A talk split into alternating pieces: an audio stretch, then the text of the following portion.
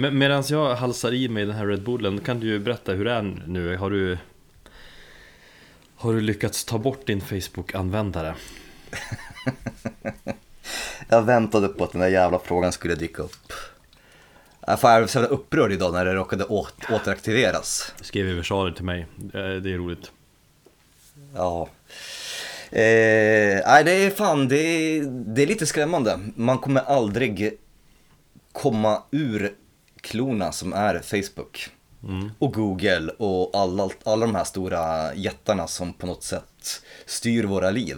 Och det, det är kanske någon sån här foliehattsvarning på mig, men Ja. mm, jag börjar bli lite, lite skraj för, för hur det funkar. Men det är ju inte, det är inte därför, väl? Alltså, det, ja, kanske Nej, en av orsakerna, men det är en, en Största anledningen är väl att du inte riktigt mår så bra av att ha, vara med i den där skiten, eller hur du nu uttrycker det. Ja, precis. Det kommer ju sluta med att jag hatar allt och alla, inklusive mina vänner. Så jag tror för, för min psykiska hälsas skull så är det bättre om jag slutar upp med det. Mm. Nej men om du inte mår bra då ska du inte ha det. Vi, eh, mest synd om är väl våra lyssnare egentligen som, som inte kommer få svar från dig när de eh, skriver till oss på Metalpodden på Facebook. Alltså, Jag vet, och det är faktiskt någonting som jag eh, tycker är jättebeklagligt. Men tyvärr så överväger de negativa delarna eh, de positiva. eller så är det en Eh, fördel. Alltså om ni vill eh, som lyssnare vara säkra på att skriva med mig, då ska ni skriva till Facebook. Eller Ja, Twitter också. Om ni vill chansa och vet inte vem som svarar, då ska ni skriva till oss på Instagram. För där svarar vi ju båda. Ja, eller så skriver ni mail till metalpodden at gmail.com så är det väl oftast jag som svarar. Mm, då är det större chans att eh, du svarar ju. Fan jag är svårt att Ja. skriva mail, det blir som Alltså vi, vi gillar ju att få mail, men det är ofta så många, ganska många stycken och långa mail och då vet inte jag var jag ska börja. Jag tänker det där tar jag någon kväll. Ja, Jag har haft rätt så många diskussioner med, med eh, våra lyssnare på, via mail. Fram och tillbaka. Man kan svara lite grann i, i, i egen takt och när man känner för det. blir inte det här, och jag måste svara nu, liksom, som det blir med typ Messenger och sådana eh, medier. Då blir du stressad direkt. Precis. Eh, men vi ska anknyta till mailen eh, längre fram i avsnittet. Jag tycker vi kör igång. Ja, det tycker jag också.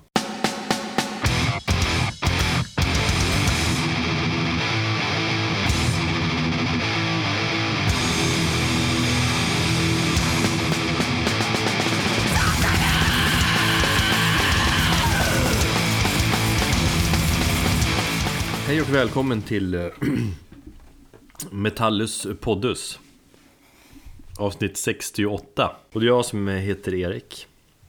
Och det är jag som är Thomas.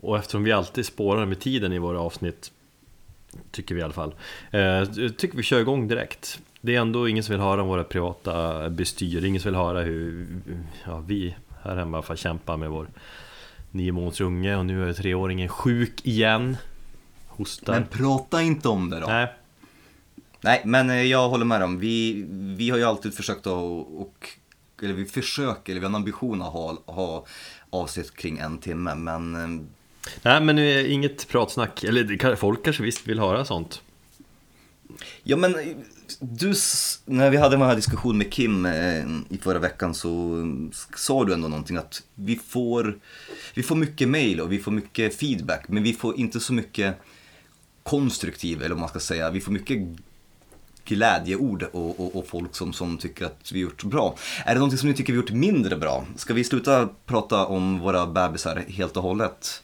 Det kanske vi inte kan göra för det är en liten del av våra personligheter. Men är det någonting ni vill förbättra, är det någonting som ni stör er på, så vad fan. Så länge det hålls konstruktivt så, ja, hör av er och säg. Ja, vi tål, vi väl- tål kritik. Vi kör, vi kör igång. Vi har ju mycket att snacka om. Fan, jättemycket att snacka om tror jag. Men vi, vi börjar ju givetvis med lite Metallica-nyheter här i Metallica-podden.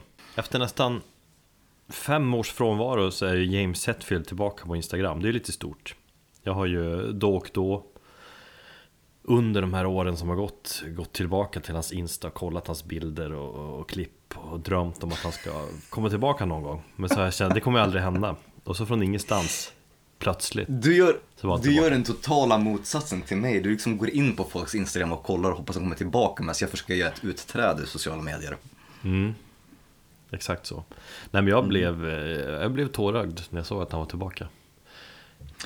Ja. Jag sa också att det berodde på att jag ja, men Dels är jag ju känslig Och dels är ju James Hetfield min ja, min stora idol får man ju ändå säga Men sen hade jag haft en kass natt Totala sömnbristen och allting Där man är extra känslig för allt Jo. Men av oss två är det bara jag som är pepp du, är du, tycker du inte lite kul Ändå att han är tillbaka? Jag följer inte honom. Eh, Jag följer eh, knappt några kändisar, alltså större artister. Som jag direkt inte har någon personlig koppling jag, jag, jag får inte ut någonting av det. Den typ enda som jag följer det är egentligen eh, Braun Daler i Mastodon och eh, Nergal. Och Nergal stör jag mig mer på eh, med tanke på att han håller på som en fjortis. Ja han är jobbig men eh, Brown är ju schysst att följa Men, men eh, Varför vill du inte följa James? Jag har inget behov av det. Jag vill jättegärna följa artister men jag vill jättegärna också ha någon form av relation till dem eller känna att de är lite närmare. Så James han är så långt borta ifrån min värld att jag kan inte liksom relatera till det där på det sättet. Nej. Då tycker jag det är roligare att följa en artist som kanske är svensk och som man har haft något utbyte i själv och någon personlig koppling till en relation eller något, något konstigt förhållande som man, man har pratat med varandra eller sådär. Kolla nu på vad du följer för folk här egentligen och sånt här. Du följer ändå 300 300 personer eller 300 användare, Instagram-användare här men eh, James får alltså inte en plats. Nej, för att jag har inget intresse av hojar och, och sådär. Det är som sagt, jag har egentligen inget intresse av att se 75 000 olika pedaler och sånt där. Men, men jag vill egentligen se en, en artists vanliga liv. Nej men det får man ju, jo men det får man ju göra, alltså det, eller fick man göra. Han, han, han är ju en förebild för väldigt många människor, miljoner människor som jag vill kunna säga. Så han, han har väl tänkt kanske att han har en liten uppgift ändå att glädja folk. Ehm, och han var ju väldigt bra på Instagram, man fick en inblick i hans liv. Alltså han var ju väldigt personlig och bjöd på sig själv på alla sätt. Eh, nu lär han inte vara lika personlig, han har ju själv skrivit att han, han kommer att lämna familj och det privata borta från Insta. Mm, ja. Och han kommer ägna sig åt att eh, eh, ja, men visa turnélivet och den delen. Men det är, det är kungen då. Eh, nej men, Men- det där med artister, alltså Ja. man, man, eh, många tycker väl att sådana ska få vara Det ska vara ett mysterium kring dem, de ska få vara lite hemlighetsfulla. Jo, precis. Och det du får ju total inblick i, i en människas liv. Ja, kanske inte så total, men man får en, en annorlunda inblick. Men, men man glömmer ju ofta, kan jag tycka, i dagens här, sociala medier, hets och icke-hets, att det, det är ju jävligt häftigt med sociala medier också. Alltså det ger ju en direkt länk till en person som man, i mitt fall, har lyssnat på, läst om och sett live eh, under hela liksom, mitt, mitt liv. Liksom. Mm. En person som eh, jag tycker är väldigt intressant att följa är Gina Gleason eh, i Baroness. Henne började jag följa ganska nyligen. Mm, hon har Dels följt ett tag. cool Ja, men dels för att hon verkar vara en cool personlighet och dels är jag lite nyfiken på att se hennes ja, vinkel, eller en kvinnlig vinkel i ett mansdominerad bransch.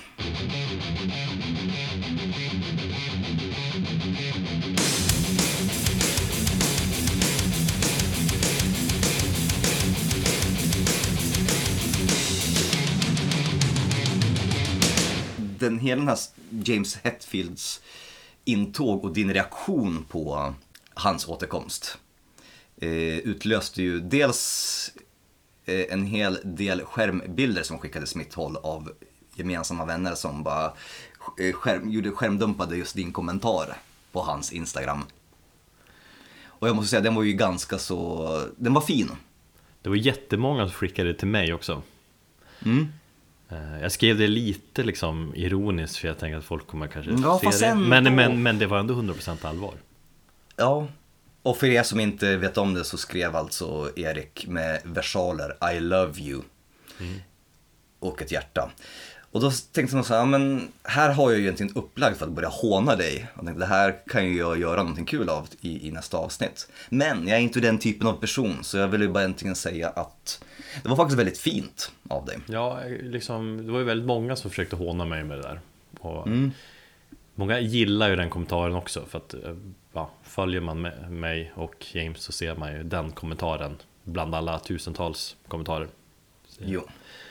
Jo men det, det var ju så, det är så otroligt enkelt att göra någonting kul av det och just retas med det. Men jag tänkte att du kommer förmodligen få en hel del av det, så jag tänkte att jag vänder på det. För jag tyckte ändå att i grund och botten så visar du ditt sanna jag och det fick mig att tänka på en grej som jag vill ta upp. Mm. Det är just det här med fanboyism och din odöende kärlek för Metallica och för, för James Hetfield. Eh, och så sa jag liksom, du och jag är ju väldigt olika i, när det kommer just till vissa band, men du har, ja, du älskar ju Metallica, du försvarar dem kanske inte i, eh, i vått och torrt, eh, du kan erkänna att de har kanske mindre bra och lyckade grejer som de har gjort och sådär. Du har ju fan till och med Lulu på, på, på vinyl. Jag har ju kört i avsnittet Metalpodden där jag listade Metallicas sämsta låtar till exempel. Ja, så att du är inte helt liksom blind för, för, för Metallica. Men du har en sån otrolig kärlek och, och, och liksom, när du pratar om det så pratar du om Metallica på ett helt annat sätt än vad du pratar om andra band. Mm. Och så går jag tillbaka till mig själv. Och jag känner inte sådär för något band överhuvudtaget. Och jag tänkte så här, du är ändå en vuxen människa, 36 år gammal, på väg att bli 37.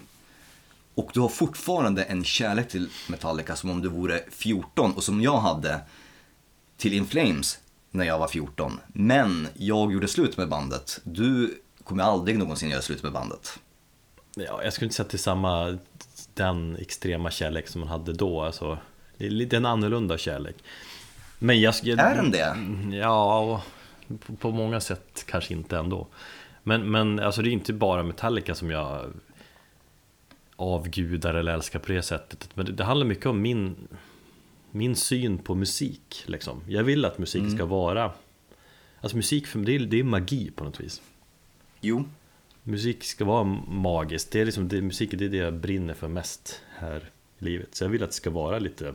Jo men där är, där, där är ju vi på samma nivå. Men för mig så har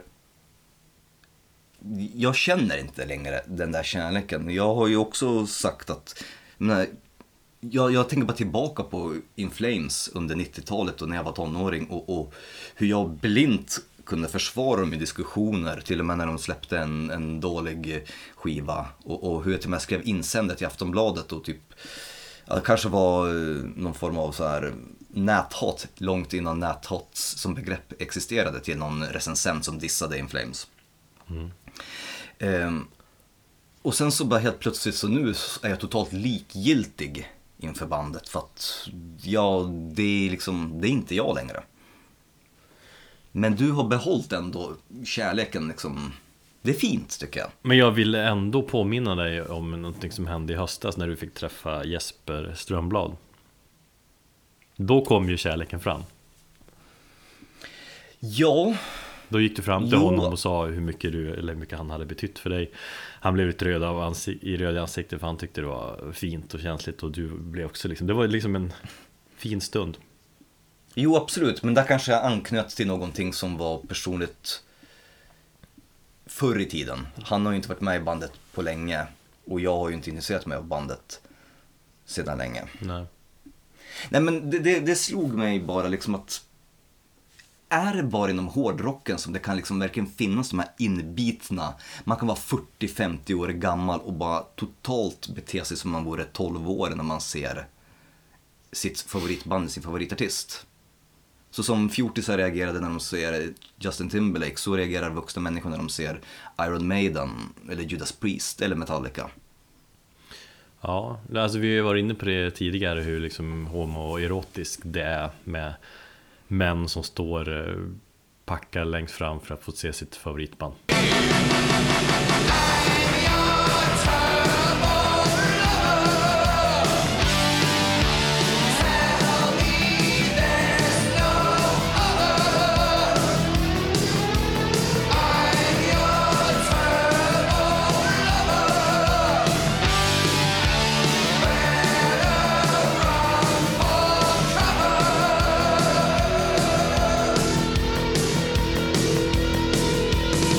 Vi... Eh, ja, det var, det var lite annorlunda snack. Nej men det var fint. Vi, vi ska snacka mer James Hetfield ju, lite snabbt. Ja. Han, eh, han ska ju vara med i en film.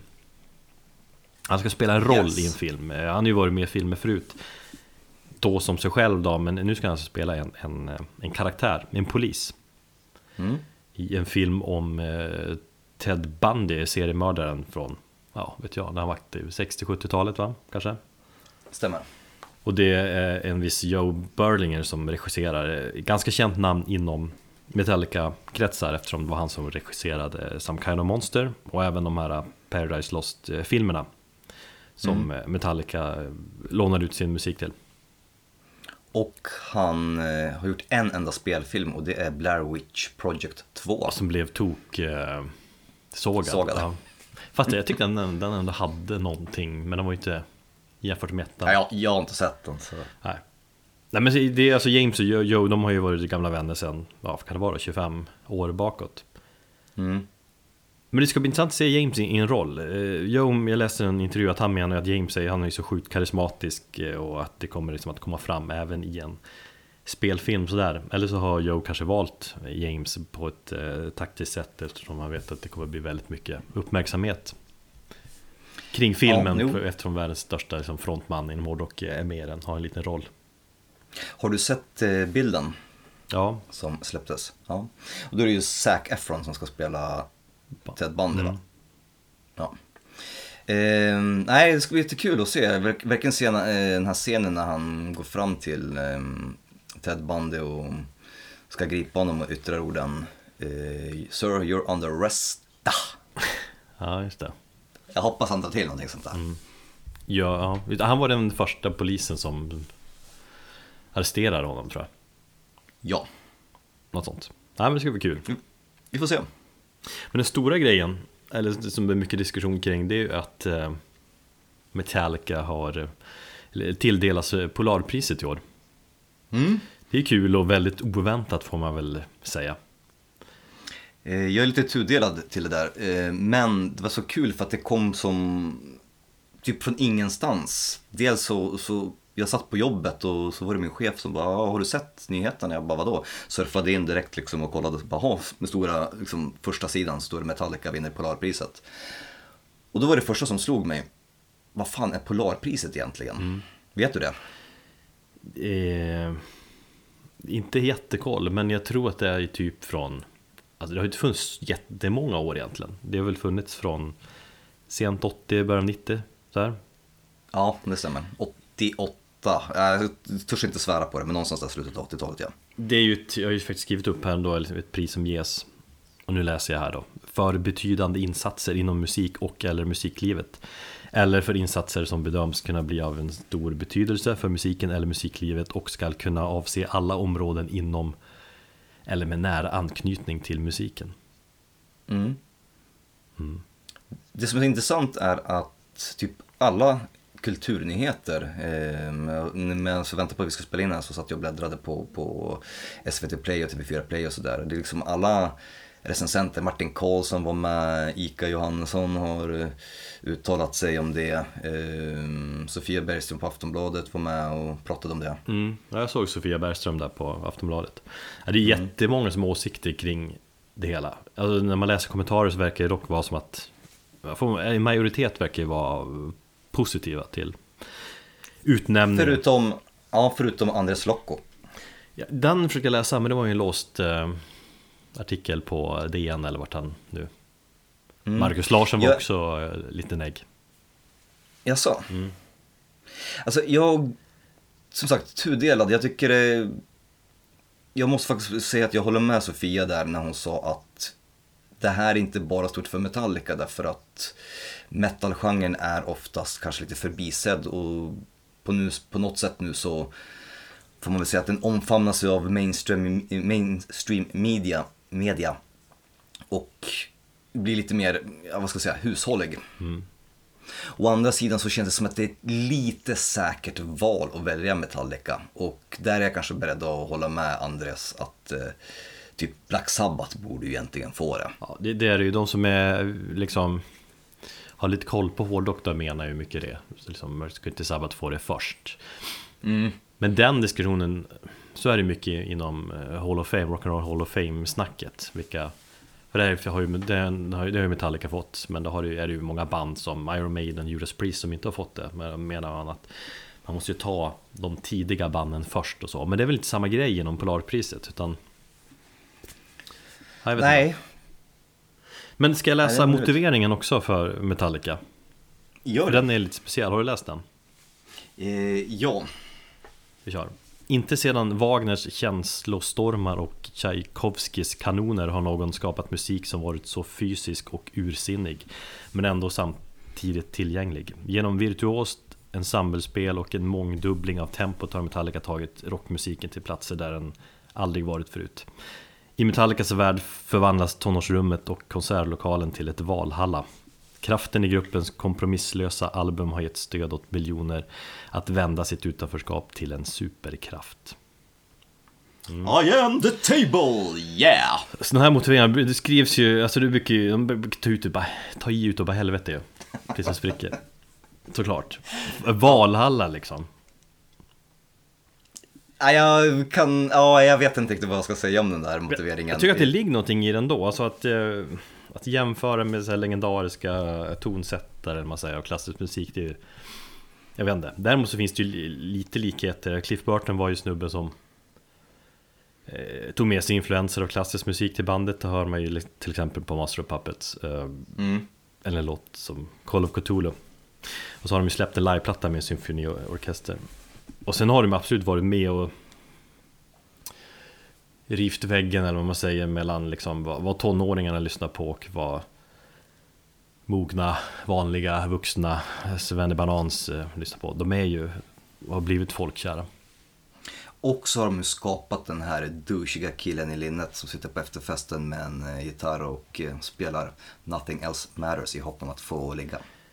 Det finns väl andra artister som har tagit fram den killen Framförallt Vilka tänker du på då?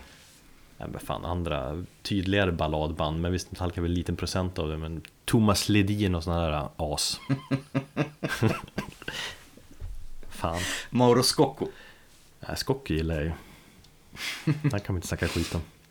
Men du, tror du att eh, Dave Mustaine är med i, i det här på något hörn?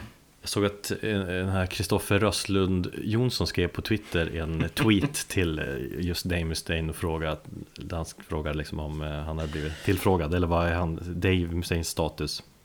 Ja, jag såg det. Jag tyckte det var skitkul. Ja, det var ju roligt. Har han fått något svar då? Nej, eller vet jag inte. Mm. Ja, men jag tänkte också att priset, det är ju lite känsligt för en hårdrockare som vill ha sin musik underground Fortfarande. Och sen får höra att eh, liksom sin mormor typ också gillar Metallica.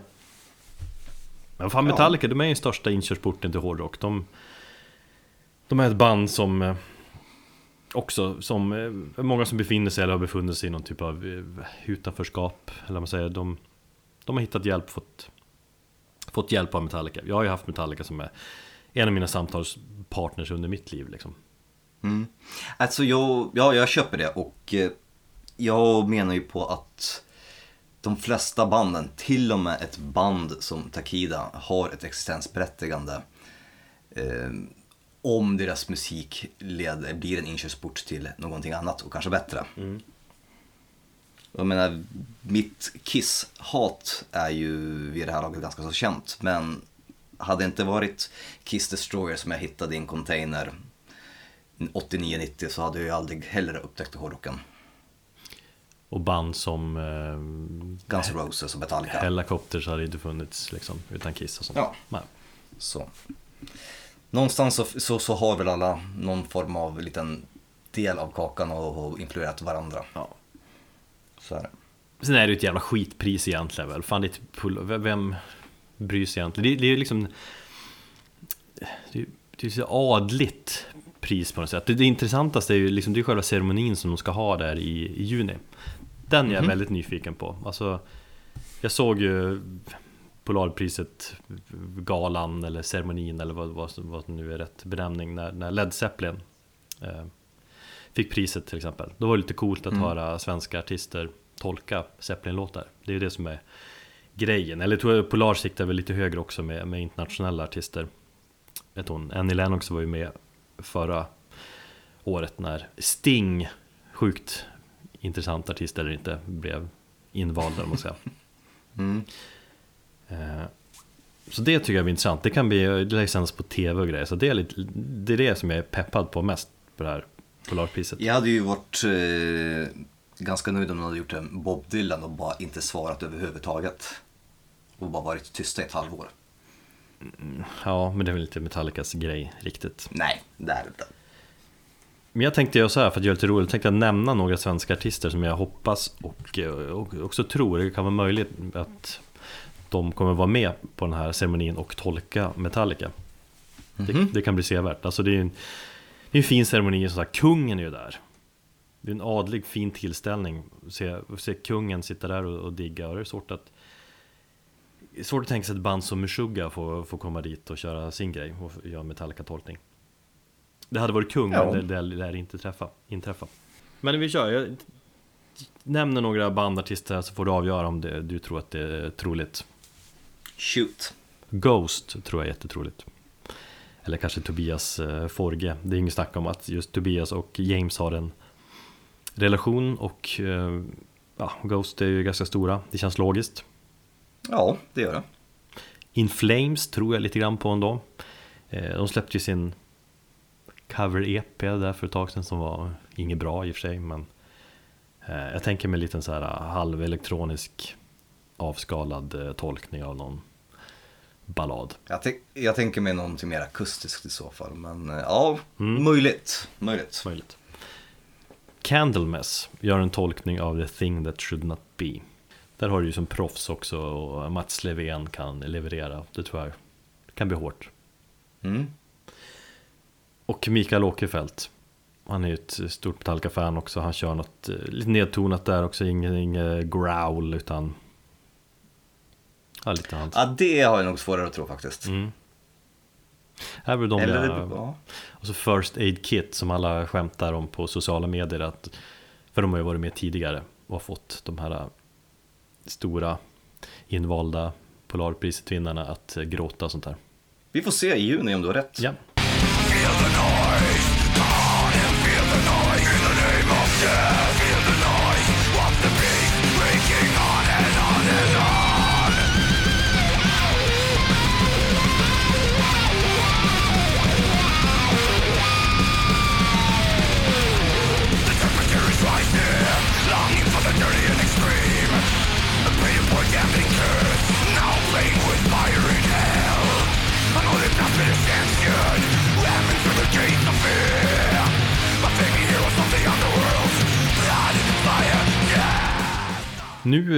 ska vi snacka lite albumtitlar. Och anledningen till det är att vår vän Kim, som också är en eh, patron, har bestämt att vi ska prata om det. För det får man göra som patron på högsta nivån, på Master of Puppets nivån. Då får man bestämma ett ämne vi ska prata om i Metalpodden. Mm. Så jag kan väl inflika där också, om du som lyssnar också vill bli en patron och du vill också bestämma ett ämne åt oss så går du in på patreon.com metalpodden Patreon, P-A-T-R-E-O-N.com snedstreck metalpodden Där har vi tre olika nivåer av, av medlemskap och, på mellannivån där får man också en sjukt eh, mäktig metalpodden-mugg Nog om det, eh, Kim vill att vi ska snacka albumtitlar och han skrev Ska jag läsa igen här nu då? Mm. Han skrev så här till oss. Det finns ju tusen olika sätt att sätta en albumtitel på. En del tar något som har en stor betydelse för musiken eller bandet, andra tar något som bara är roligt. Och vissa väljer något bara för att provocera. Hur stor betydelse har albumtiteln? Är den viktig eller är den petitess? Vad ska en albumtitel säga? Lista era favoriter och nämn ett par som verkligen ej funkar. Mm. Ganska intressant ämne tycker jag, framförallt eftersom det är en för mig en frågeställning som jag knappt har funderat på tidigare om jag ska vara ärlig då. Jag har inte, som du, listat någon topp 5 över bra och dåliga arbetstitlar. Men jag har några exempel som vill jag, sen tänkte jag mest prata runt omkring dem. Jag kan säga jag satte mig ner i skräddarställning typ Mediterade och blundade och försökte tänka på albumtitlar Mm. Men det var inte så mycket som kom till mig spontant. Alltså mitt enkla, snabba svar på Kims fråga är helt enkelt att jag Jag tycker inte att albumtitlar är särskilt viktigt. Och den ja, slutsatsen har jag tagit eftersom, som sagt, jag kom inte på några spontana albumtitlar när jag börjar tänka på det. Eh, det är musiken som är viktig för mig först och främst. Och, och skivomslag, men för liksom en albumtitel, jag vet inte. Det, det är inte... Hur viktiga är, men hur viktiga är skivomslag då? Alltså bara, men om du tycker att musiken är viktig och, skiv, och skivomslag men inte albumtiteln. Jag tycker att det är egentligen hela paketet. Ja, eller jag tänker det är väl skivomslag som får uppmärksamhet före en albumtitel. För mig. Ja. Ja, det, ja alltså om du, om du bläddrar i, i liksom, är inne på, på i en skivaffär och bläddrar bland deras liksom, skivbackar så ja. Mm. I mitt fall där jag egentligen får ett mail och jag ser eh, artisten och albumtiteln innan jag ser omslaget. Mm. Så har jag ju en helt annan relation till just albumtitlar. Och faktumet att jag är kanske lite mer inne på um, texter och, och, och att ja, texterna på något sätt ska betyda. Inte alltid. Ja, det kan jag tänka mig att det, på det sättet är det kan vara viktigare för mig. För mig är det väl snarare att jag reagerar när det är en, när det är en dålig titel. Typ. Mm. Ehm, jag gjorde som så, jag gick ner till källaren där jag befinner mig nu och gick igenom min CD-samling som jag har i en hylla här nere. Och så kollade jag igenom plattorna. Ehm, jag kollar på albumtitlarna. Det är som skivor som jag köpt då från eh, typ 91 fram till ja, många år sedan var jag när jag slutade köpa skivor kanske ja, vet jag, 2010 eller något sånt där. Mm. Eh, kom fram, det är väldigt många albumtitlar som jag, jag, känner inget speciellt mycket för. Och nu tänkte jag tänka bara albumtitlar. Alltså jag, jag älskar ju musiken såklart på många skivor och mycket skivomslag. Men jag har sagt, jag har insett att det är sällan som jag verkligen brinner för en albumtitel så. Sen är det, det är väldigt ofta man lär sig gilla en albumtitel också. Alltså när man förstår innebörden kring den och så. När man har mm. läst om den och läst titlar, eller texten och sådär. Då, då kan ju hela skivan växa som helhet när man förstår albumtiteln på ett sätt också. Jag har tänkt på det här ur två aspekter. Dels har jag tänkt det ur ett eget personligt och liksom perspektivet som ett fan. Eh, och där är jag lite tudelad hur viktiga och oviktiga de är. Jag ska motivera varför snart. Sen så tänker jag också ur en artists synvinkel och då tycker jag att det kan finnas en, ja, en motivering till att man kanske ska lägga mer tid på albumtitlar, mer än vad man tror. Mm. Alltså, för att ta ett exempel. Kim hade två jättebra exempel som jag egentligen inte kunde göra så mycket bättre. Så jag, vill, jag utgår från de två. Mgwa eh, har två fantastiska albumtitlar i förra skivan som heter Exercises in Futility. Som är, den är briljant. Jag, jag håller med om, den är, det, det är liksom, det är en paradox i sig själva och det är så snyggt ordad och den säger så otroligt mycket om Goas musik. Om man känner till Goa och vet vad de spelar för musik och sådär så säger den allting. Eh, deras skiva innan som heter With Hearts Towards None är också tycker jag helt briljant. Det gillar jag mer. Så, du gör det? Mm. Ja, jag, ja, jag tycker just Exercises in Futility, det är, i och med att de har den här poetiska känslan i sin musik, i sin black metal och liksom ganska så poetiska texter men ändå en ganska så rå nihilistiskt perspektiv på världen och livet. Mm. Att Mgwa är otroligt viktiga. De har satt en standard för albumtitlar i, min, i mitt tycke. Att jag har väldigt höga krav på hur deras album, det kommande albumet, vad det kommer heta. Och de lä- måste överträffa sig själv för det är en risk att jag kommer bli besviken. Fast okej, okay, du blir besviken på albumtiteln men sen visar det sig att musiken är deras bästa. Gör du så mycket om, om albumtiteln? Den, ja, den kan ligga där och... Den kommer ju inte överväga men det kan ligga där och gnaga. Mm. Det finns alltså skivor som jag kanske tycker är hur fantastiska som helst, men det finns detaljer som kanske ligger och gnager. Det kommer inte frånta, frånta faktumet att jag kanske tycker en skivan är perfekt i många andra avseenden. Nej. Men just som Goa har satt en ganska så hög standard för sig själva och tror jag även för många lyssnare. Men har inte det mycket att göra med också att du har verkligen fastnat för bandet? Det är ett band av många tusentals som du inte blir berörd av. Men Mgoa har du liksom och då, då känns albumtiteln extra viktig, extra intressant. Jag har ju, jag har ju blivit lika berörd musikaliskt av uh, Uada. Mm. Men jag tycker att deras eh, platta The Void of Light är totalt intetsägande och egentligen ganska standard. Den, den gör varken till eller från. Och nu när jag ska släppa en ny skiva i maj som heter Cult of a Dying Sun. Det känns också såhär, nej. Den, det, det album, albumtiteln, det, det gör mig absolut ingenting. Sen tycker jag musiken är helt fantastisk. Men det var ett coolt eh, skivomslag ju. Ja, absolut. Det tycker jag. Men det snackar vi Två inte av nu. tre rätt i alla fall. Mm. Nej, vi, vi får återkomma till maj. Och för att ta ett väldigt tydligt dåligt exempel. The Crown, eh, Death is not dead. Vad fan betyder det ens? Men det är väl lite bra ändå? Vad betyder det ens? Man... Nej, det, det, det, är bara, det är bara jättedåligt. Lägg till ett omslag med ett brinnande och blodstänkt flipperspel. Och det blir bara så här, det här är nog kanske det totalt orimligaste jag någonsin sett. Mm. Eller så Däremot- finns det en förklaring där som du inte har läst eller förstått.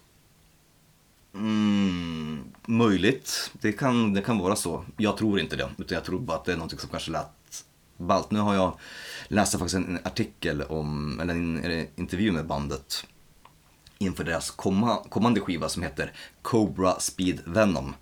Jag vet inte vad det betyder, men det är tre jättehäftiga ord som är ihopsatta, bara på random, typ. Jag tycker att det är jätteballt och fnissar när jag läser det, men jag vet inte vad det betyder. Samma sak med Death Race King. Det är också så här, ja, men det låter coolt, men vad fan betyder det egentligen? Mm. Och där kommer vi tillbaka då att och som det är ibland med så här stonerband och, och, och, och ja, folk som är med party, party stoner. Där kanske inte har så höga krav på att det ska vara en fantastisk eller en totalt liksom knockande albumtitel. Utan Där får det vara lite plojigt eller sådär. Fast det kan ju vara lockande på ett sätt också, om det är en ball albumtitel. Ja, Men det behöver inte vara så Ja. liksom att det finns så mycket tanke kring det, utan bara att det låter coolt. Jo, men också, som sagt, ska det bara låta coolt för sakens skull, då känns det så här, då blir jag ju nästan lite provocerad av att, vad fan har ni ingen substans, för ska ni bara vara coola? Ja, men vissa band är ju det. Vissa band behöver ju inte det, det där djupet i, i texter och sådär. Utan det är bara Nej, det är, nej, det är sant. Ja, jag vet inte. Ja. Jag har ju, jag har ju listat några exempel. Ja, Så jag tänker köra några sådana. shoot. Och då tänkte jag börja med, med albumtitlar som, som jag gillar. Och eh, första exemplet är Metallicas Ride the Lightning. Eftersom det var en av de här första albumtitlarna som jag, som jag minns gjorde ett, ett bestående intryck på mig. När jag, när jag fick veta vad, vad det betydde. Första jag lät Mm. Cooper Ride the Lightning, man bara yes. Det blixtar. Eh, men det betyder att bli satt i den elektriska stolen avrättad med elektricitet. Eh, det är så poetiskt på något vis. Rida på blixten, vackert. Ja, jag fick lära mig det också i ganska så vuxen ålder vad det innebar. Mm. Jag tyckte också så här, minns när jag höll i CDn till Ride the Lightning så bara, ja men coolt, ja men det låter ballt. Det, Typ. Exakt. 14 år gammal. Mm. Jag var väl lite yngre. Och jag har ett minne där, jag vet inte. 91, 92, 93 kanske. 94. Mm. Ehm, när jag insåg vad liksom, titeln syftar på, eller någon förklarade det. Kan ha varit brorsan, jag vet inte. Johan, var det så? Ehm, och då insåg jag att fan, det, här, det här är ju mörkt, det här är ju brutalt. Det här är, Metallica är ju på allvar, Mm. tyckte jag då. Här är en cool albumtitel.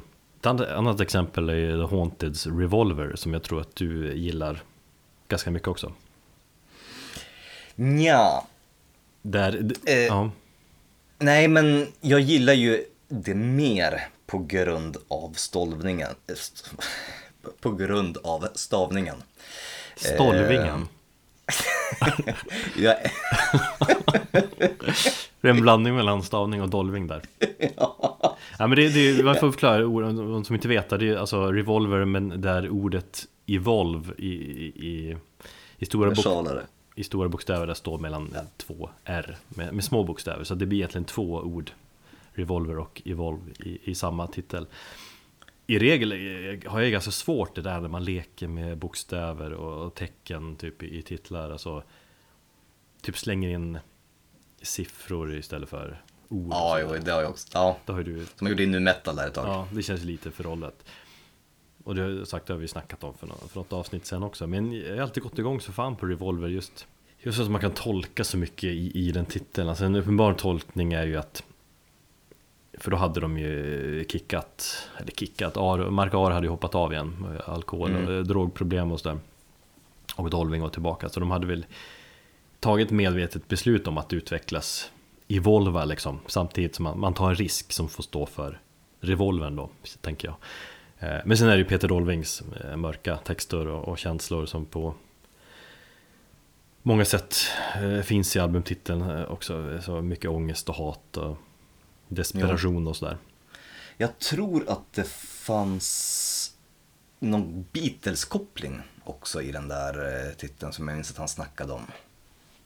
Ja, det är fullt möjligt. Eh, jag, har, alltså, jag, ja. jag, har inte läst så mycket, eller jag kanske gjort tidigare men det har jag glömt i alla fall egentligen. Liksom, vad, om de har gått ut och berättat om vad, vad, vad de menar med det, men hur jag har tolkat den liksom. Mm. The Great Sudden Tranquil heter ju Panteras fjärde platta. Som jag gillar.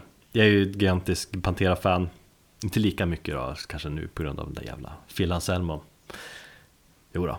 Alltså jag måste ju fråga, du köpte ju Phil Anselmo och And the Illegals. Mm. Den där vinylen, är den bra? Ja, jag tycker den är, ja, men jag gillar första plattan också, den här är bättre. Den... På riktigt? Mm. Mm, Okej. Okay. Ja, men den är bra, fan rätt, rätt cool och, och liksom udda och uh, kaos. All right. Och jag älskar The Great Silent Trend Kill, jag tycker ju att jag tycker Pantera alltid har haft ganska coola albumtitlar, ganska macho sådär. Eh, supermacho titlar Men den här den sitter i på ett annat sätt. Jag tycker den är lite mångfacetterad också. Metal var ju speciell där på mitten av 90-talet, lite halvt utdöende. Eh, Pantera menar ju att de, de, de skiter i alla trender, släpper det hårdaste skivan som de hade gjort, eller har gjort. Den är väl tyngst på, på många sätt. Mm.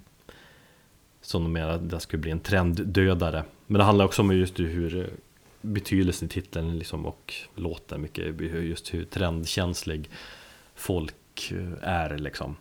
Hur vissa gör vad som helst för att kunna vara inne och, och, och göra rätt. Och att det är mm. fake.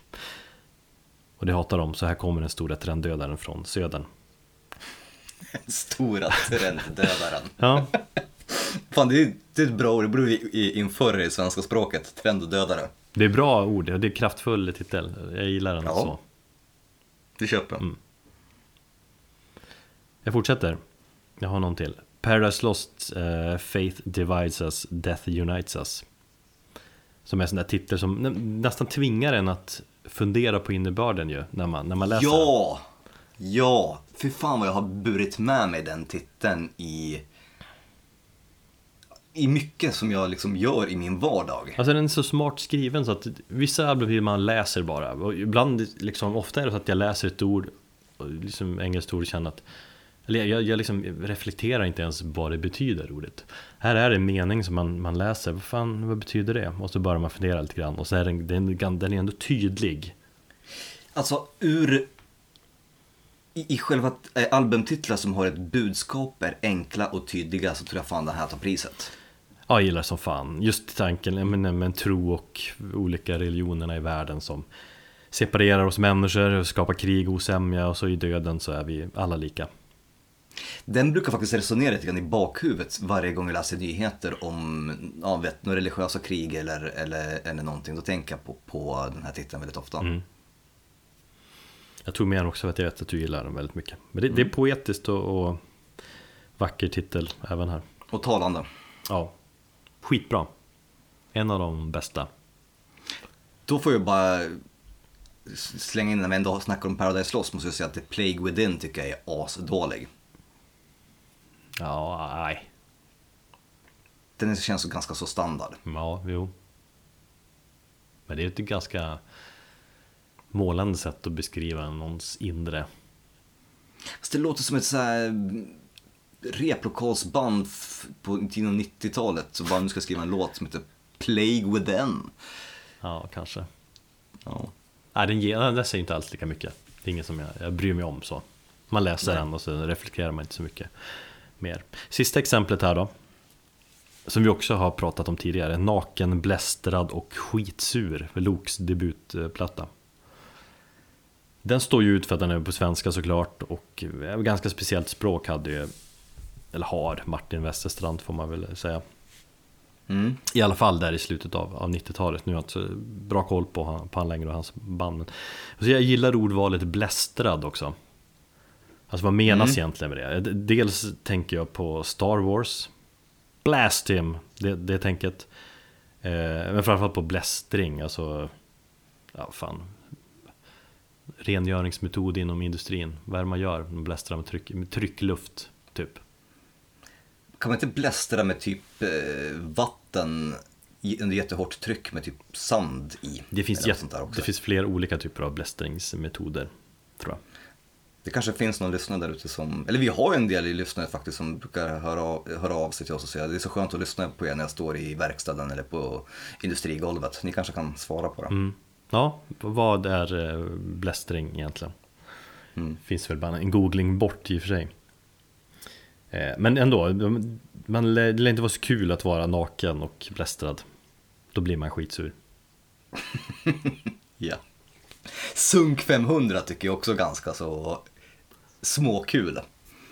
Småkul ja, men inte lika grafisk så här. Nej. Eller fast jo, man ser på omslaget stod det inte typ så här Sunk 500 i så här blockletters över hela plattan eller någonting. Mm. Jag för mig det. Ja, så kanske det var. Nej, men det är inte lika, lika bra. Har du några fler jag- exempel på, på titlar, albumtitlar som du gillar? Innan vi, Ja. innan vi går över till eh, de vi inte gillar. Ja, jag tänkte bara säga att eh, Katatonia eh, har eh, en period där de släppte helt fantastiska albumtitlar. Eh, det är ehm, Last Fair Deal Gone Down, eh, The Great Cold Distance och Viva Emptiness. De tre tycker jag är helt fantastiska och i synnerhet Viva Emptiness, det är någonting som jag hade, jag hade det som eh, status eh, när vi körde, när man körde ICQ och vet man tyckte på Away. Mm, just det. Sen så har ju dock de också gjort en ehm, ganska lökig eh, albumtitel i form av Night is the new day. Den känns också så här som att där så har de försökt att tänka till lite väl mycket och trodde att de var finurliga men det blev ganska så dåligt. Fast det är ändå i samma genre, fast inte samma... Nej, inte lika lyckat kanske. Nej, och jag vet att bandet gick ju igenom eh, en liten ident- identitetskris kring den skivan och eh, hade typ skrivit färdigt musiken till en platta men skrotade den och började om på nytt. Så det kan ha varit så kreativt, ja, att de var kanske bara slutkörda. Men det är någonting som, när jag håller i skivan och läser så tänker jag så här, ah fan det är ganska dåligt. Ja. Jag har ju skrivit upp Katatonia också som exempel på bra, bra titlar. Framförallt Viva Emptiness och The Great Cold Distance är ju fantastiska.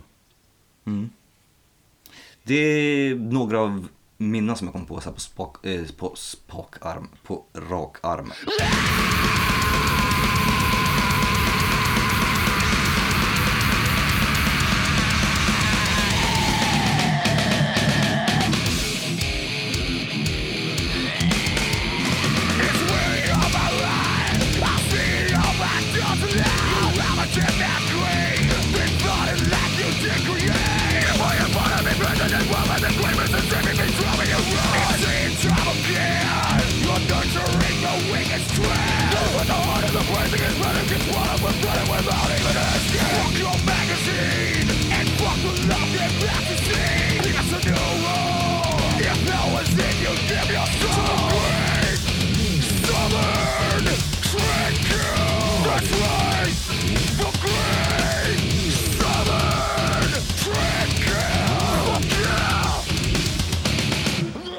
Till de dåliga. Mm. Då ska jag vilja börja med att säga att jag gillar inte självbetitlade albumtitlar. Eftersom det känns så idélöst liksom. Som att man inte kom på någonting annat. Men jag tycker de funkar väldigt bra i vissa sammanhang. Kanske vi kan väl komma överens om att oftast är det typ så debuten som brukar vara självbetitlad. Mm, är det verkligen så? Är det inte några skivor in och så vill man göra Nej, typ an- ett, ett statement någonstans att nu har vi Ja. gjort något nytt här. Det är de två grejerna. Det är antingen ehm, att man släpper en debut som är självbetitlad eller att man senare i karriären släpper en självbetitlad eh, skiva för att på något sätt visa att man har ja, ett statement, att man kanske har ändrat inriktning eller sådär. Ja, precis. Men det är fan det är jobbigt att säga också. Har du hört deras självbetitlade? Jo, det kan jag köpa. Eller när man ska, när man ska skriva det i, eller man ska använda i skrift så får man ändra S eh, slash T. Ja, eller så skriver man, Eller- skriver man ut det. Ja, nej men jag skriver ju bandnamnet också. Ja, jo det, det finns de som gör det också. Jo. Det är fult, det är fult. Eller det är snyggare tycker jag nästan. Jag vet inte. Eh, Men, men visst, alltså Metallicas Black Album är väl ett jättebra exempel. Det är ju lite coolt. Det är inspirerat av The Beatles White Album och Spinal Tap eh, och så. Men det, det är ändå trist med, med självbetitlat. Ja, fast i fallet med till exempel Satyricon som 2013 släppte sin eh, självbetitlade platta. 20 in i karriären så var det ett, det var ett statement och Satyri var ju, gick ut i, i, i, i tidningar och berättade ju liksom att vi kände att det var rätt att den här skivan skulle vara självbetitlad för vi ville visa att det här är Satyricon i sin renaste form och vi behövde ingenting annat. Och jag, jag köper det på något sätt. Jag tycker Candlemass släppte väl också typ 2005 släppte de en självbetitlad platta. Ja, trist också. Nej, fast ja, det kan på något sätt kanske hjälpa ett bands självförtroende eller någonting när man har harvat på i, i, i samma spår ett tag och så vill man på något sätt få upp någon, någon, någon form av pepp så tycker jag, jag tycker det kan funka. Mm. Nej, jag, jag, jag har aldrig riktigt gillat det. Jag förstår det argument också, men eh, jag, jag har ändå känslan av när folk släpper eh, ett al- eller självbetitlat album att de, de kommer inte på något bättre. Den känslan har jag i, i liksom gnager i mig. Guns N' Roses släppte en eh, coverplatta 93 som heter The Spaghetti Incident. Eh, I sig så var det döpt efter ett matkrig mellan Axl Rose och, och Steven Adler, första trummisen där tror jag. Ja. Eh, men det var så jävla ful albumtitel. Okej, det är väl kopplat till skivomslaget också som bara, ja, Spaghetti. usch. Jo. Det håller du med om fullständigt. ja, ja, men det finns liksom inget att säga, det är bara så jävla dåligt. Det är jättedåligt. Speciellt med tanke på att de har haft coola, men Appetite for Destruction är, det är, det är bra titel. Ja. User Illusion-plattorna och så bara Spaghetti Incident, vad fan. Mm. Scorpions Virgin Killer. Det var så osmakligt och eh, obegripligt. Omslaget räknas väl som eh, barnpornografi här i landet. Sen ett antal år tillbaka. Vilket omslag var det? Det är ju en, det. en, eh, naken ung flicka. På, Ja, just ja. Mm. men bara döpa till Är den censurerad eller? Ja, den blev ju censurerad direkt tror jag. Mm. Eller så var det ett genidrag för att få mycket uppmärksamhet eller så. Men de borde ju fått... De fick... Nej, hade de släppt idag, fast inte tänk, alltså det är helt otänkbart att släppa något sånt idag. Men de borde ju fått jävligt mycket skit för det. Borde få det ibland nu också. Men de var ju spelade i Globen för några månader sedan och, och liksom alla älskar ju Scorpions. Ja men du vet, alla som eh, följde bandet på den tiden, de ger ju såna band frisedel. Ja, Alla band fick frisedel på 80-talet för att det var kutym, eller det var, det var standard på något sätt att bete sig som så. Man tänkte inte efter. fast det är ju ändå fortfarande, även om det var som standard då så var det som en släppa eh, Virgin Killer. Ja, alltså, ja, ja, jag håller med om det. Men, men, men som sagt, det, det, på något sätt, det pratas inte om det på samma sätt som det görs nu. Nej, så är det. Ozzy Osbournes senaste studioalbum som eh, heter Scream eh, Det var ganska många år sedan det kom nu Men det skulle egentligen hetat Soul Sucka Alltså Sucka med S-U-C-K-A Jag kommer själv, själv ihåg hur jag reagerade på det att Jag tänkte fan vad fult och sen fick det jättemycket kritik och så bytte de då Scream är inte så jävla bra titel heller i och för sig Men so. Soul Sucka det, är- det är jättefult Det är jättefult. Ja. Och sista exemplet här, eh, Halloween Pink Bubbles Go Ape Har du hört den skivan? Du som är, Nej. Du som är power metal Nej, det är jag inte, men jag tänkte på direkt på skivan som de släppte. Ja, fan var det i slutet av förra året? Ja, Pumpkin. ja. Äh, Jävla tyskar Det, det är så, alltså, förlåt, men har, har tysk, finns det bra tysk musik överhuvudtaget? mm, Jo Det är så, jag tycker allting de släpper är så jävla osmakligt. Det finns bra eh, thrash och grejer Men eh, alltså Halloween, jag, jag eh, lånade faktiskt några Halloween-album På eh, 90-talet, tidigt 90-tal Mm. eh, Det var de här Keeper of the Seven Keys-plattorna Du har väl ganska bra koll på Halloween väl, kanske?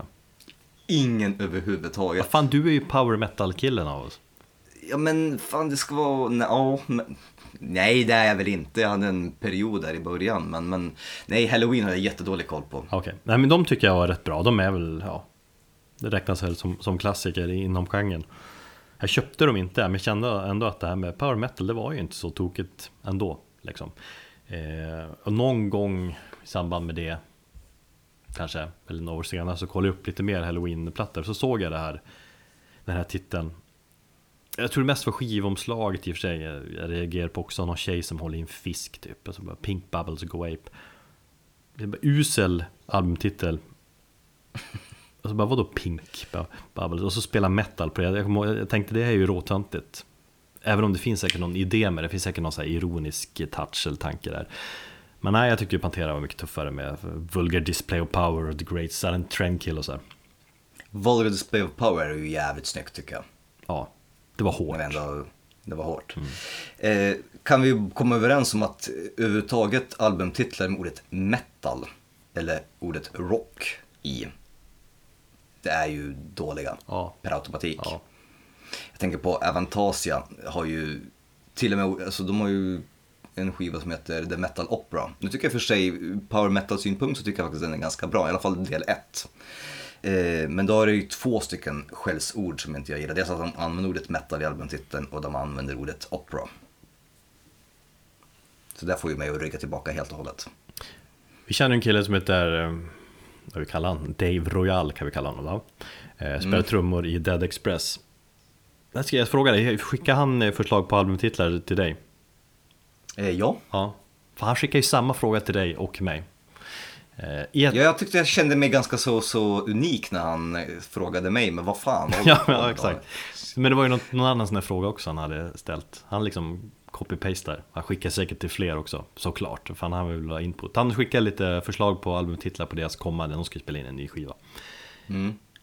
Och om jag minns rätt så var en av titlarna hade ordet rock i titeln. Rock, Usch. någonting. Och kände usch, blä. Nej, det är dåligt. Jag, jag vet inte hur seriös han var i sitt svar, men eh, de, de hade ju låttitlar till allting förutom sista låten. Så då drog jag någonting i stjärten bara och de bara, men vi kör på det. Jag bara, är ni seriösa? Så, ja, jag vet inte. Vadå, du föreslog? Eller nu hänger Jag, får, ja, de, jag tror att de hade 12 låtar, eller titlar till 12 låtar. Och så frågade de, ja vi har, eller vi- de har 12 låtar men titlar till 11 så frågade de, vi behöver en titel till den sista låten. Mm, okej. Så eh, då drog jag någonting. Och om de går med det eh, alternativet så är ni ju helt galna. Men då- kommer du bli tackad på skivan? Ja, det räknar jag med att bli ändå. Eh, nej men ja, okej, jag kollar det här. Rock'n'Roll Riot var ett av förslagen. Det går bort. Okej. Men det, om ni har döpt skivan till det eller kommer göra det så, så, är det ju, så är det ju tråkigt. Rock'n'Roll Riot. Ja, det är det. Jag måste ju bara kolla här också vad han har skrivit till mig här. Han dissar mig så jävla mycket för att jag inte hade koll på att Knutby ligger i Uppsala. Det är jättemånga Och- som har skrivit det till mig. Det är inte mitt fel att du säger det. Jag hade faktiskt koll på det, att det var norr om Stockholm. Men vad fan rättar Nej men jag du hörde, mig för? jag, jag minns inte ens att du sa det. Ibland lyssnar jag Eh. kanske inte 100%. Ja, ja, de hade en bra albumtitel faktiskt som slår den nuvarande med hästlängder. Men jag vet inte riktigt om jag får yttra den så jag håller den för mig själv. Ja. Så länge. Ehm, jag har några videoexempel innan vi avslutar det här. Ehm, det är, jag tänkte på black metal band hade, det var en trendigt ett tag där att köra tre albumtitlar, eller tre eh, ord i, tre coola ord i en följd för att, eh, ja, det skulle låta true cult. Och i synnerhet eh, Dimmu Borgir gjorde det när de hade sin prime i, i, under ja, slutet av 90-talet där, i början av 2000. Enthroned Darkness Triumphant, Spiritual Black Dimensions, eh, Puritanical Euphoric Misanthropia, Death Cult Armageddon. Ja, sen så, sen så bytte de det totalt med eh, Abracadabra eller vad den hette. Ja. Och nu bryter de det igen med nya skivan som kommer som ska heta Eonian. Men det är så här. Då tycker jag deras första skiva, när de släppte, eh, eller första eller andra, för alltid på norska då, var mycket snyggare. Mm. Men det var, det var en del, en, ett, eh, lite häftigt där bland norska band och körare. Då det tyckte jag var så här, nej det kändes ganska så forcerat. ja, det kan jag köpa.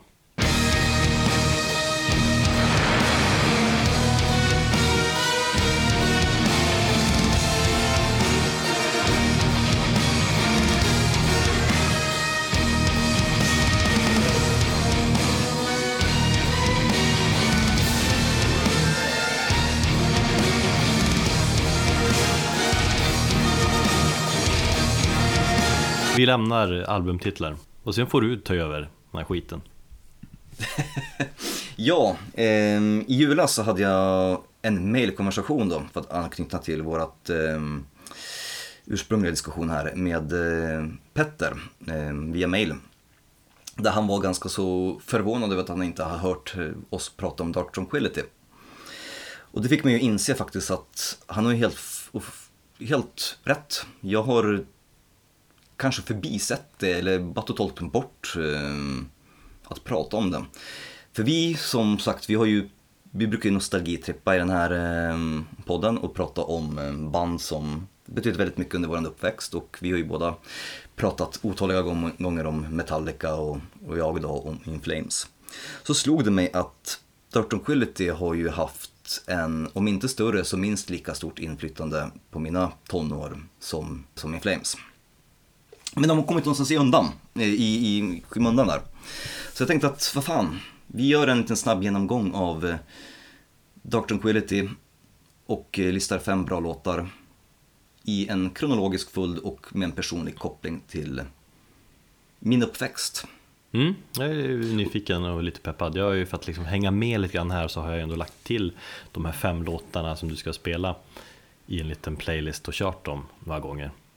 Mm, För, ja, men vad härligt. för att jag kan säga att Dark Tranquility, har inget förhållande till dem överhuvudtaget i stort sett. Alltså överhuvudtaget eh, melodisk döds som de ju kategoriseras in i är det är liksom inte min grej riktigt.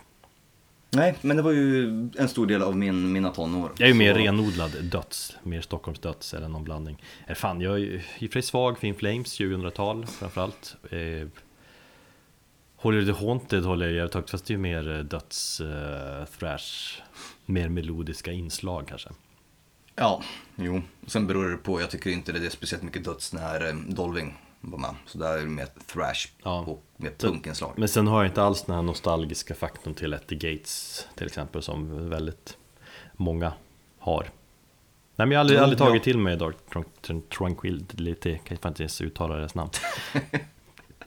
eh, då, ska du, då ska du få en liten snabb genomgång här. Eh, bildat typ slutet av 80-talet som Septic Broiler. Eh, på första debuten, eller på första skivan, debuten, eh, så sjöng faktiskt Anders Fridén eh, som då senare gick över till In Flames och Mikael Stanne sjöng, på, i sjöng In Flames. Så de tradade platser där. Ehm, men jag upptäckte bandet med The Gallery 1995.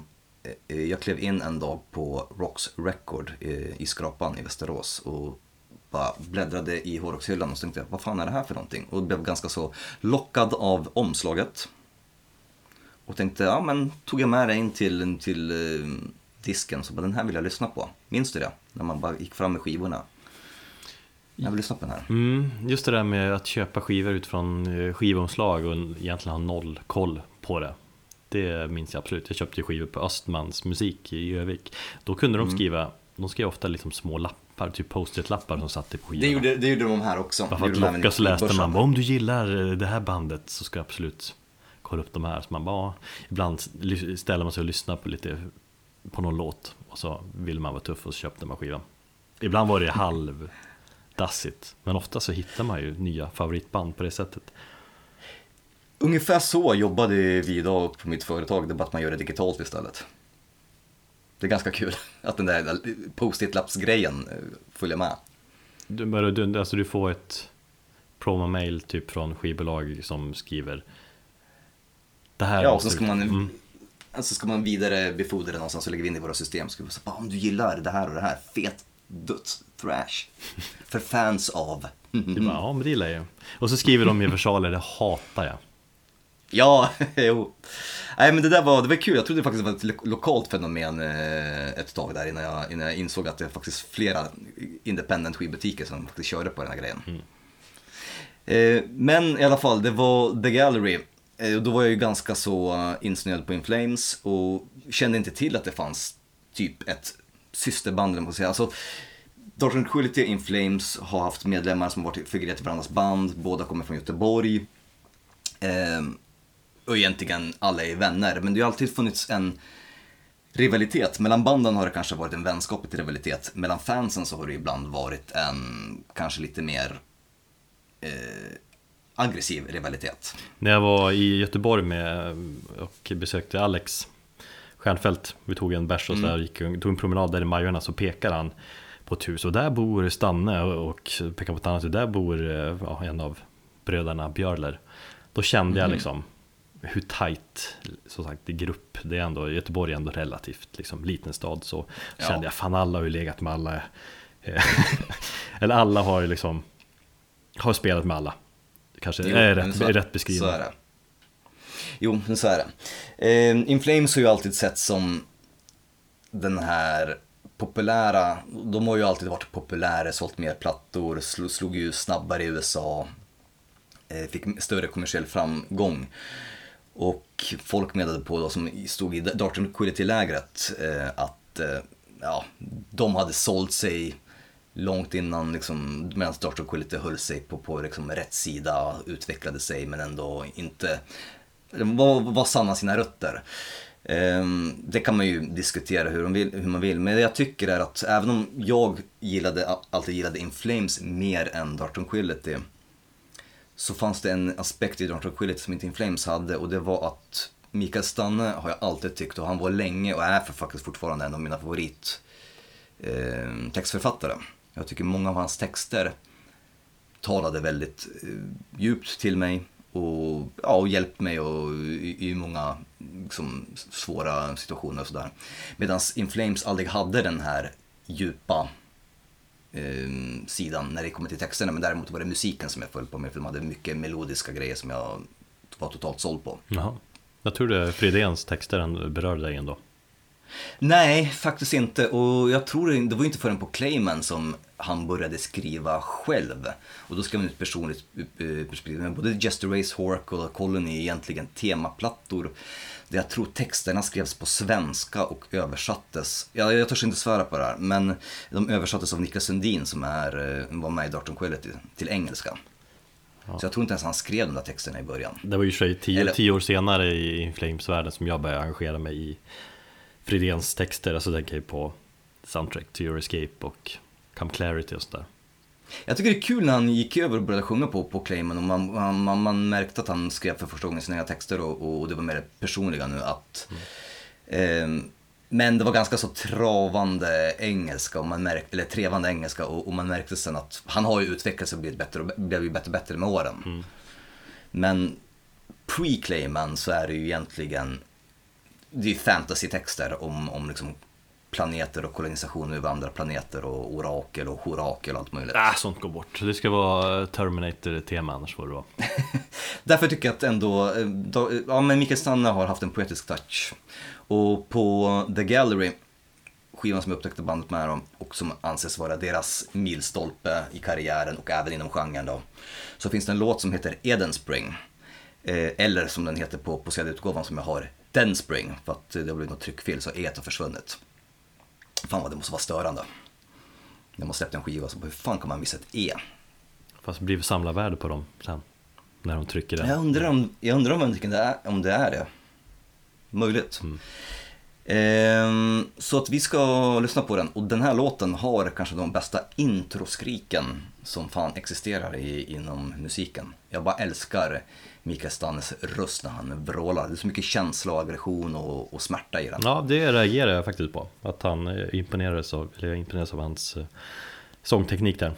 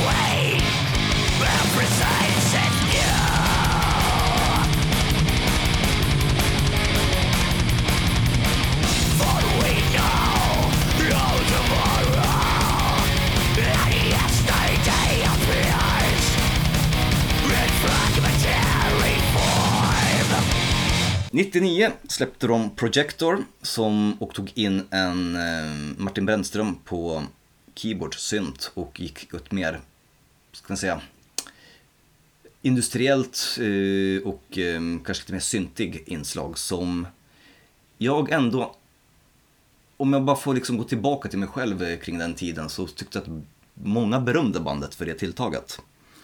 Ehm, nu har jag läst i efterhand att det var väldigt många som verkade, ja, tyckte att bandet hade sålt sig. Men jag vill minnas att Dark Tranquility-fansen var väldigt förtjusta i, det, i, den, mm, i den skivan. Eh, Mikael Stanne började sjunga väldigt mycket mer rent genomgående genom, genom eh, hela skivan, även om han hade testat på det i, på några andra låtar tidigare. Och sen så 2000 så släppte de Haven. Och där hade de ju gått totalt in på syntarna väldigt mycket. Men det där var ju en, en tydlig trend inom genren där ju. Jag tänker på In Flames gjorde ju typ samma sak, eller blev ju lite mer elektroniska inslag ju. Ja, men Dr. Tranquility var faktiskt före och jag, jag hängde väldigt mycket på Ultimate Metal, det här forumet i början av, i slutet av 90-talet, 2000 där. Och, och det snackas väldigt mycket om att bara, men fan vad det här ser annorlunda, det här är, aldrig, det är ett grepp som aldrig har prövats, nu ska vi sjunga rent. Det kanske inte var helt nytt inom metal sådär, men jag tror inte det var, det hade inte genomförts lika ofta som, och var kanske inte så populärt. Nej. Sen så kom det med bland annat, bland annat med Dr. Quillet och In Flames och de flesta metalcore-banden där i kring 2000.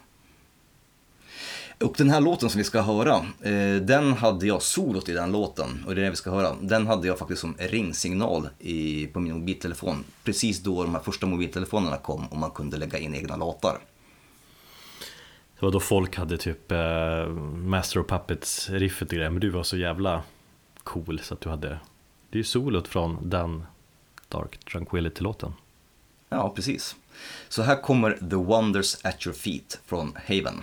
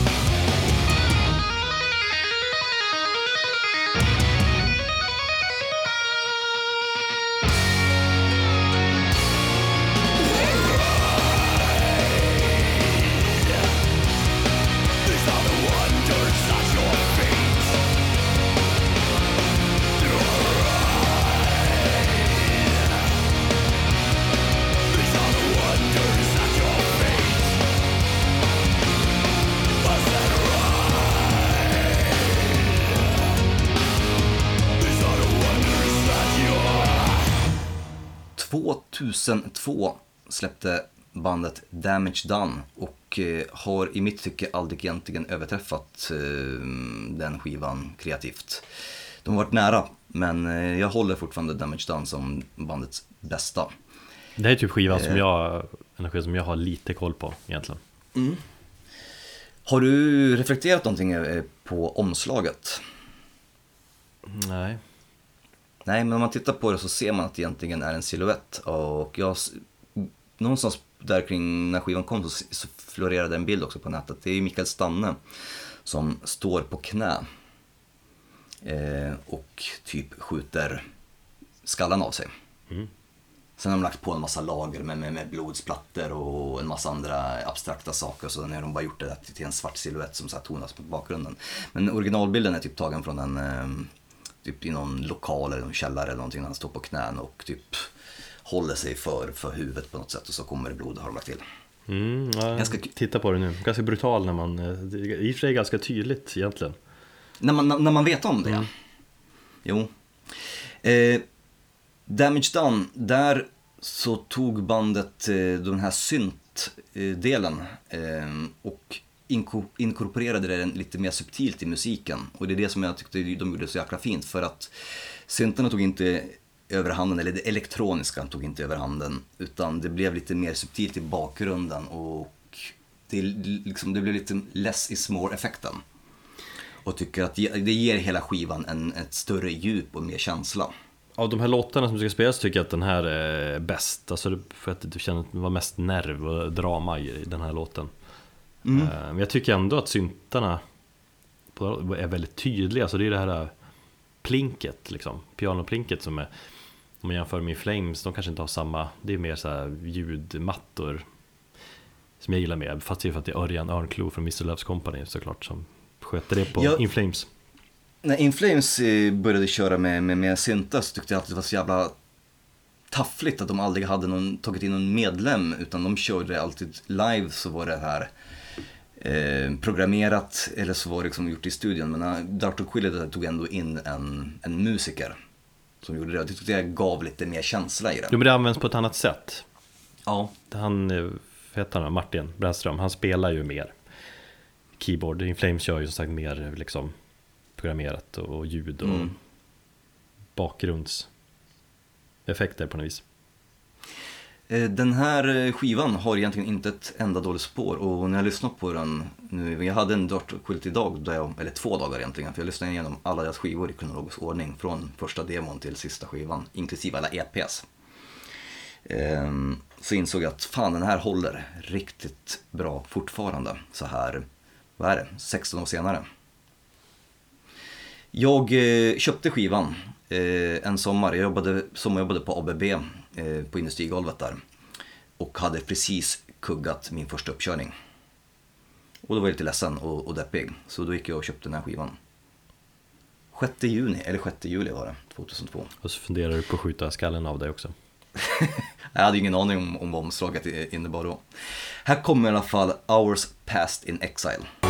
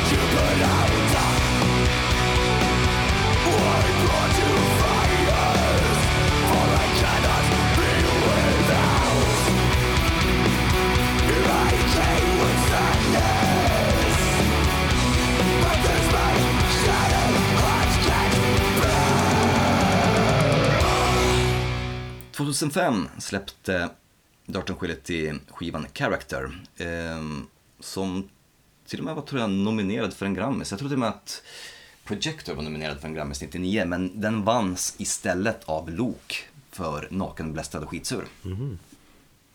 Eh, men jag tror att de var, eh, med Character var de också nominerade. I alla fall, det var en ganska så eh, kommersiell framgångsrikt album har jag för mig. Trots att bandet egentligen gick ännu mer tillbaka till rötterna och var ganska hårda. Eh, första låten är ju, känns ju lite mer som en black metal-dänga jämfört med ja, hur de lät tidigare. Eh, en skiva med lite futuristisk ton ändå. Jag älskar omslaget. Det är lite så här, genom form av apokalyptisk framtidskänsla, lite Terminator metal. Det får du kika på, så får du se om du håller, håller med mig eller inte. Mm, jag gillar det. Och eh, Mikael Stanne lät jävligt bra. Och eh, han har en fantastisk, eh, just refrängen i låten som vi ska höra, Lost to Apathy, när han sjunger eh, Look at the shell that is you, empty, fragile, weak. Tycker jag är ganska så talande. För att det är ty- typ, ja, mer ett statement om hur, hur mänskligheten är.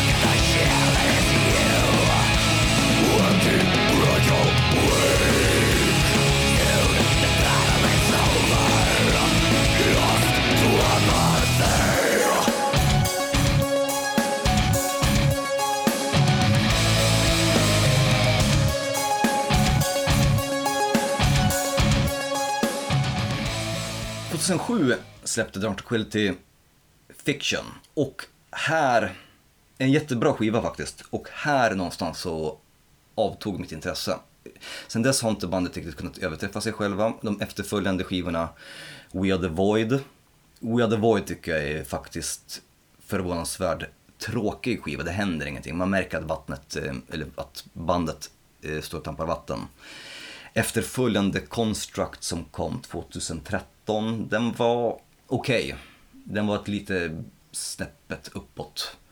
Och sen så Atoma som släpptes, om det var förra året eller om det var 2016. Fan det är så jävla svårt att hålla koll på åren. Mm, 2016 tror jag. Där blev väl, var inte den Hårdrocks Grammis nominerad också?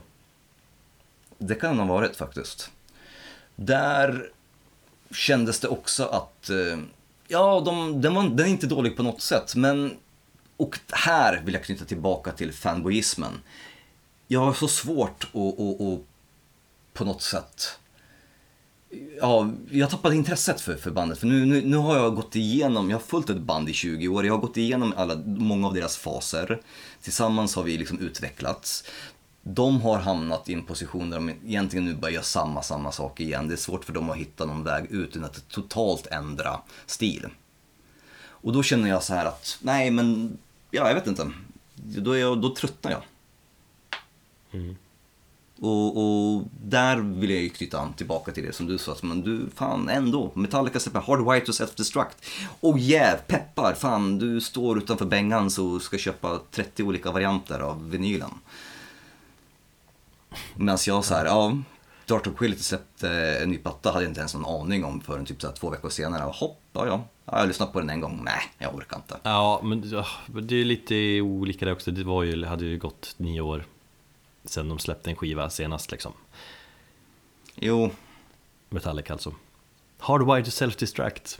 Bra albumtitel ändå. Nej, den är så jävla dålig! Jag glömde att jag glömde faktiskt nämna det, jag tyckte den är skitdålig. Till en början var jag, tänkte, kände jag också det lite grann. Jag tänkte Hardwired hade vi funkat bättre med. Hardwired och Self-Destruct. Ett ex, bra exempel på en titel som man läser det först så känner man äh, men sen får man veta lite mer om den och sen har man börjat gilla den. Jag gillar den, innebörden med den.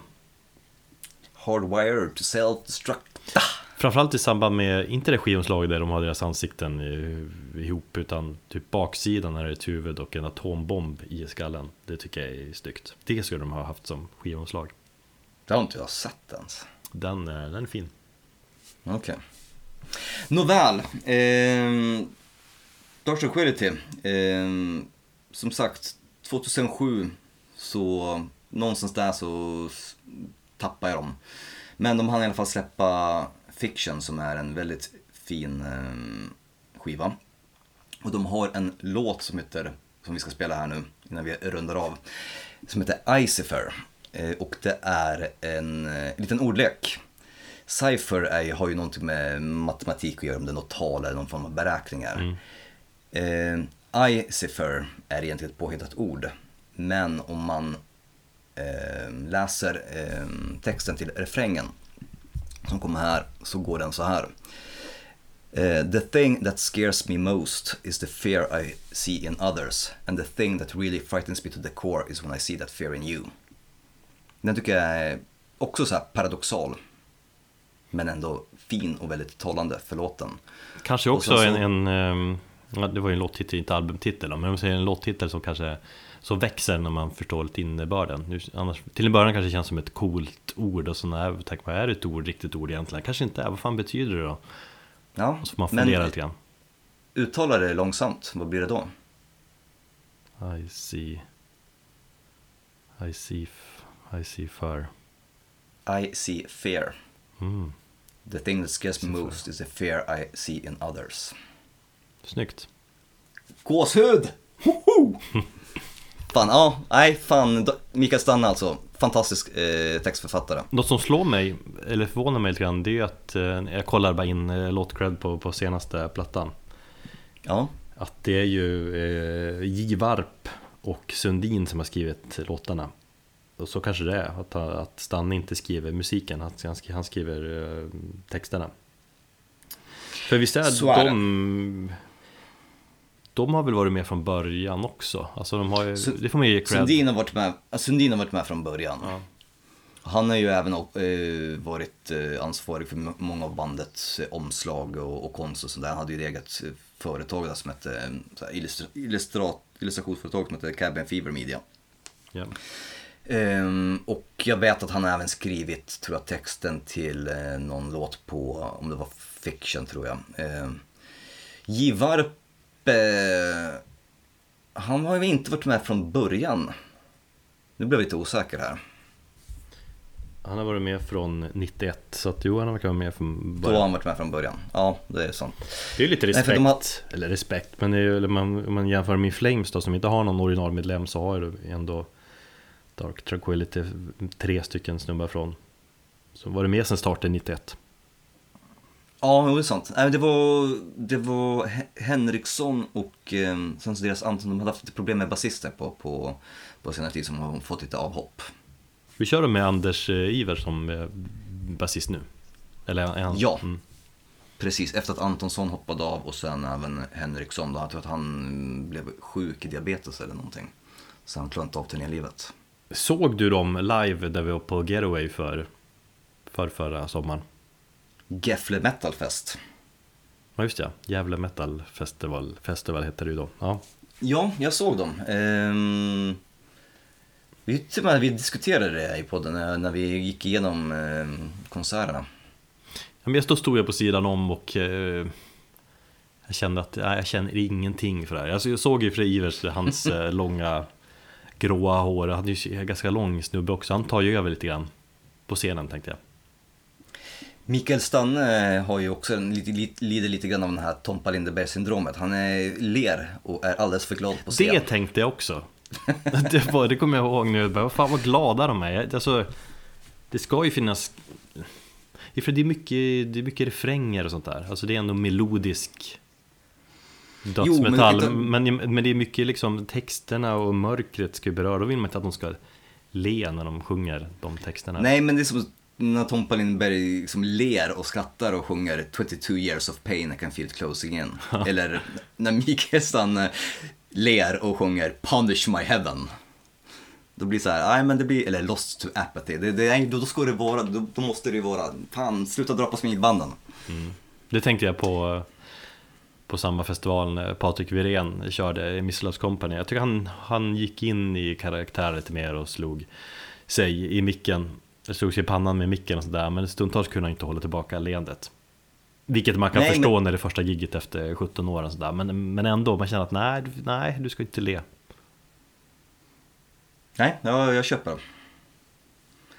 Bra, eh, vi lyckades inte hålla oss eh, kring timmen även i detta avsnitt. så Nej, vi men kan inte gärna ja. lägga ner den ambitionen. Nej, men jag tycker vi ändå siktar på det. Alltså anledningen att vi absolut inte höll det idag, det var ju på grund av eh, Metallica. Jo, viss, visserligen. Eh, med det sagt så, ja, lämnar vi det här för den här gången. Ja, men det var trevligt. Det gick fort den här en och en halv timmen ändå. Det var kul trots att jag var så jävla trött och var nära på att ge upp. Mm. När du skrev, när jag alltså- ser att vi skulle, jag skrev att vi kör klockan nio, fem över när jag höll på att sätta upp. Så skrev du, men kom igen nu då. Ja, precis. Ehm, bra så. Ehm, till nästa gång så får ni ta hand om er och nu lyssnar vi på låten Icifer från Fiction. Nej då.